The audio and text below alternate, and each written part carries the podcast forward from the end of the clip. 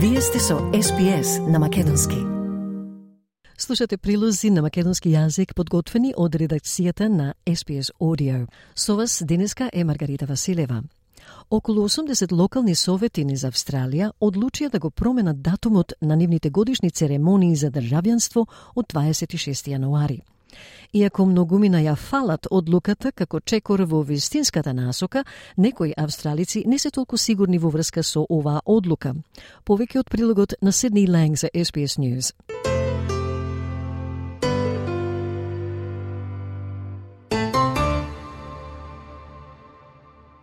Месеци по референдумот за домороден глас до парламентот, некои локални совети ги преземат работите во свој раце со менување на датумот на нивните годишни церемонии за државјанство. 26 јануари е национален ден на Австралија и датум кога локалните совети одржуваат церемонии за државјанство.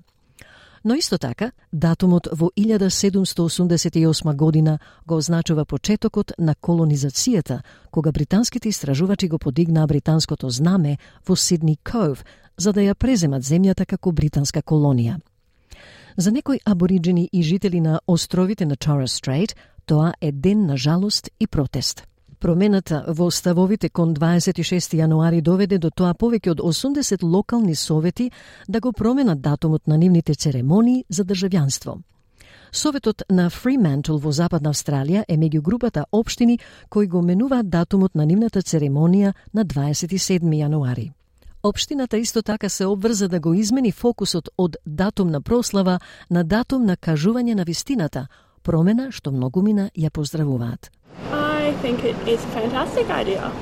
Like, I think myself, I would like to learn more about it. Like, I hear bits and pieces now, and I don't particularly celebrate it or go out of my way to do anything for it. So, I think it'd be a great idea. Други во Fremantle како Мати Дайт за NITV изјави дека менувањето на датумот не е доволно и дека не треба да има ден на Австралија воопшто, поради што земјата веќе припаѓала на еден народ. I don't think there should be Australia Day at all. Um, the land was already taken, if so to speak, when they say Cook came and um, that's the day of Australia Day on the 26th. Well, it was already taken. We already had our people were on it, um, the Noongar people, and um, I, I'm a big believer that there should not be Australia Day at all. Yeah, so I, I think that uh, the Aboriginals, if they wanted to make a day to celebrate their people, they can make up a date, but we don't have a say in it. I, I personally think. I think it's up to the to the Aboriginals.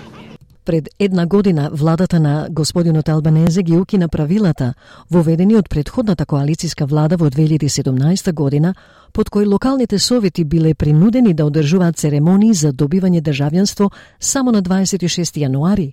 Во спротивно, ке им била одстранета можноста да одржуваат церемонии. Како резултат на тоа, два совети во Мелбурн, City of Yarra и Darabin City Council, го загубија правото да одржуваат церемонии, право кое владата на Албанезе подоцна ја врати во функција. Церемониите за државјанство сега може да се одржуваат од 23 јануари па се до 29 јануари. Во последните години, повиците за промена на датумот на Денот на Австралија од 26 јануари стана се погласни, бидејќи јавната свест и образованието околу импликациите на датумите за луѓето од првите нации беа засилени со работата на активистите и политичарите на првите нации. Годишните протести го зазедоа местото на годишните паради во Викторија, кога минатата година државната влада тивко ги прекина настаните за Денот на Австралија. Иако се зголеми поддршката за промена на датумот, некои австралици се уште се против идејата, велики дека денот на Австралија се однесува на сите, без разлика на вера, боја, раса или друго.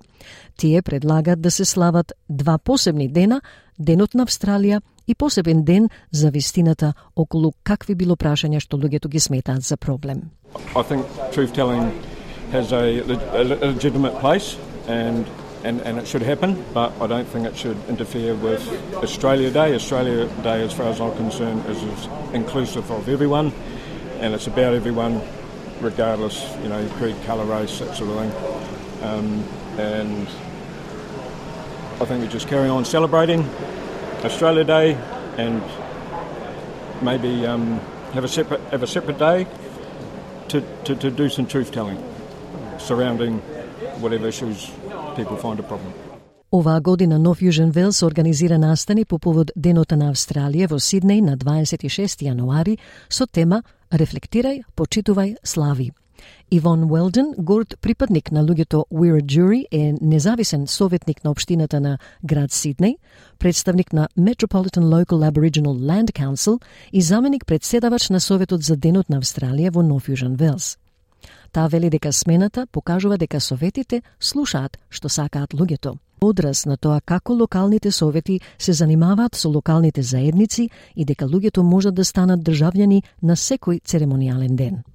It's a reflection of how local councils are engaging with the local community, strangely enough. And um, but you know there has been um, you can become a citizen on any day uh, that is chosen in those ceremonies, and so the way I think some of the councils and the local communities are changing is about how they have engaged in a meaningful way with their local communities.